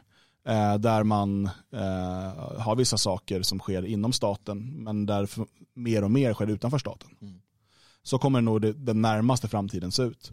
Mm. Eh, sen är det nog inte omöjligt att vi får se att fler länder följer typ El Salvador och några till nu Mm. eh, och, och inför bitcoin eh, som är det största eh, som laglig valuta. Just det. Och då kan det hända saker rätt fort. Eh, och då kommer ju konspirationsteorierna gå- dra igång kan jag säga. Eh, men men ehm, Eh, Alltså, det är inte omöjligt. Där är också can't beat them, join them. Eh, och, och se till, för det kan vara så att de länder som tar de här första stegen kan komma ut som riktiga vinnare på andra sidan. Och det är nog fler som sneglar på det. Speciellt i dagsläget då mindre ekonomier med instabil valuta som inte nödvändigtvis vill vara bundna till dollarn och sådär. Men jag ser det ju också, nu, nu pratar ju då Stefan Ingves och Riksbanken om att man ska göra en eh, svensk, alltså Riksbanks eh, krypto, alltså så. En riksdal liksom som är så. Och jag ser fram emot det. Ja, och det är egentligen av det enkla skälet att, att man får förstå att det är små steg hela tiden. Om, om staten nu säger att nej, men vi kör på det här, vi har en krypto uh, och det är blockkedja och allting, då blir det, ett, ett, det blir mer populariserat. Människor som aldrig skulle lyssna på vad du säger och tycker att men vad fan vet den där Dan Eriksson. De lyssnar på Stefan Ingves och tänker att jaha, då är det här på riktigt mina vänner. Nu är krypto någonting bra. Mm. Och så börjar människor använda det och förstår det och sen så slinker man in på andra banor. Precis, man kan säga inom um, kryptosfären så är folk väldigt, väldigt negativa till det här såklart. Mm. Uh, centralbanks uh, krypto, eller man ska kalla det för. Um, och, och, av en anledning, men, men man, om man kan kolla på det mer som ett Overton-fönster, Mm. mer som en sån, um, så kan det ha en positiv inverkan.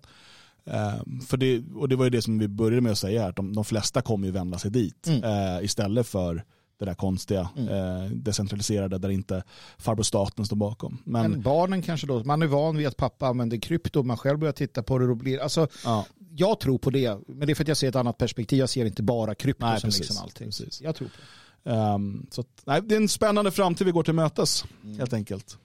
Uh, har vi bjudit på ett uh, ordentligt specialavsnitt här. När kommer DAO igång? DFS DAO? När? Vi får se. Ja, spännande. Jag ska vara en av de som är med direkt, känner jag. Ja, eh, det skulle ju ersätta hela vårt medlemssystem i och för sig. Det hade varit eh, rätt skönt.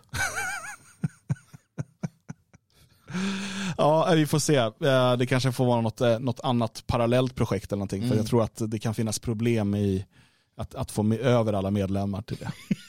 Eh, Det är ju bara en spekulation. Få en från min sida. känsla för det. Eftersom att, Björn, Man hade ska du, ju inte hålla några, på och spekulera i... hade du, någon, hade du några, någon sista fråga här du Björn? Eller? Du har stått och funderat nu här och lyssnat och tittat. Ja, nej, jag har eh, försökt hänga med mest. Eh, så, så ehm, Jag kan säga så här, mot en liten avgift så är jag beredd att omvandla ditt kapital till eh, krypto. mm. ditt stora kapital. Ja, jag tar, jag tar 50 procent. det blir inte mycket du tjänar på den affären kan jag säga. Är det nu vi ska lansera vår tjänst? Och därför, vill ni bli miljonärer? Köp. DFS-coin. Björn-coin är det. Det är en glad björn på bilden. Ja, vad schysst, jag hade köpt direkt. Den, den, den eh, knuten till Björns vikt. Så det går alltid, alltså en björncoin är alltid ett kilo av Björns vikt. Ja. Den går alltid upp. Folk kommer inte bara trycker i det glass och godsaker. Den här investeringen ska betala av sig. Ja. Eh, Okej, ska vi ta avrunda då? Det är Jag tror det. håller på alldeles för Jag länge. börjar bli förvirrad nu. Så att, eh, Imorgon kör vi ett ganska vanligt program tror jag. Nej, vi fortsätter imorgon. Ja, Imorgon jag är har- det webb 4. precis, jag, jag tror att vi kan hitta något tokigt här. Ja, stort tack för att ni har lyssnat. Om Varsågod. ni gillar det vi gör, eh, bli stödprenumeranter på svegot.se. kan man bli med krypto som sagt. Eh, och ehm, om du redan är det, tack så mycket för det. Vi är tillbaka imorgon onsdag och sen klockan 10 igen. Tills dess eh, önskar vi en eh, riktigt härlig tisdag eh, och eh, på återhörande va? Eller vad säger man numera? Ja, eh, det gör man. Jag försöker lösa någonting, ni får prata Kom till sommarfesten säger man. Ja, det kan vara just det. 30 juli så blir det fantastisk festlighet här i Svenskarnas hus hela dagen. På dagen så är det fokus på barnen, hoppborg, det blir eh, glass och korv och fiskedamm och massa fantastiska grejer. Kubb och olika eh, galna tävlingar och tipspromenad och sånt där. Och sen på kvällen så eh, kastar vi ut barnen och tar fram spriten. Nej, men vi, vi blir glada och goda vuxna människor och eh, lyssnar på musik och mer fokus på, på sånt. Så att eh, 30 juli, gå in på friasverige.se och hitta en länk. Det blir fantastiskt roligt. Tack för att ni har lyssnat.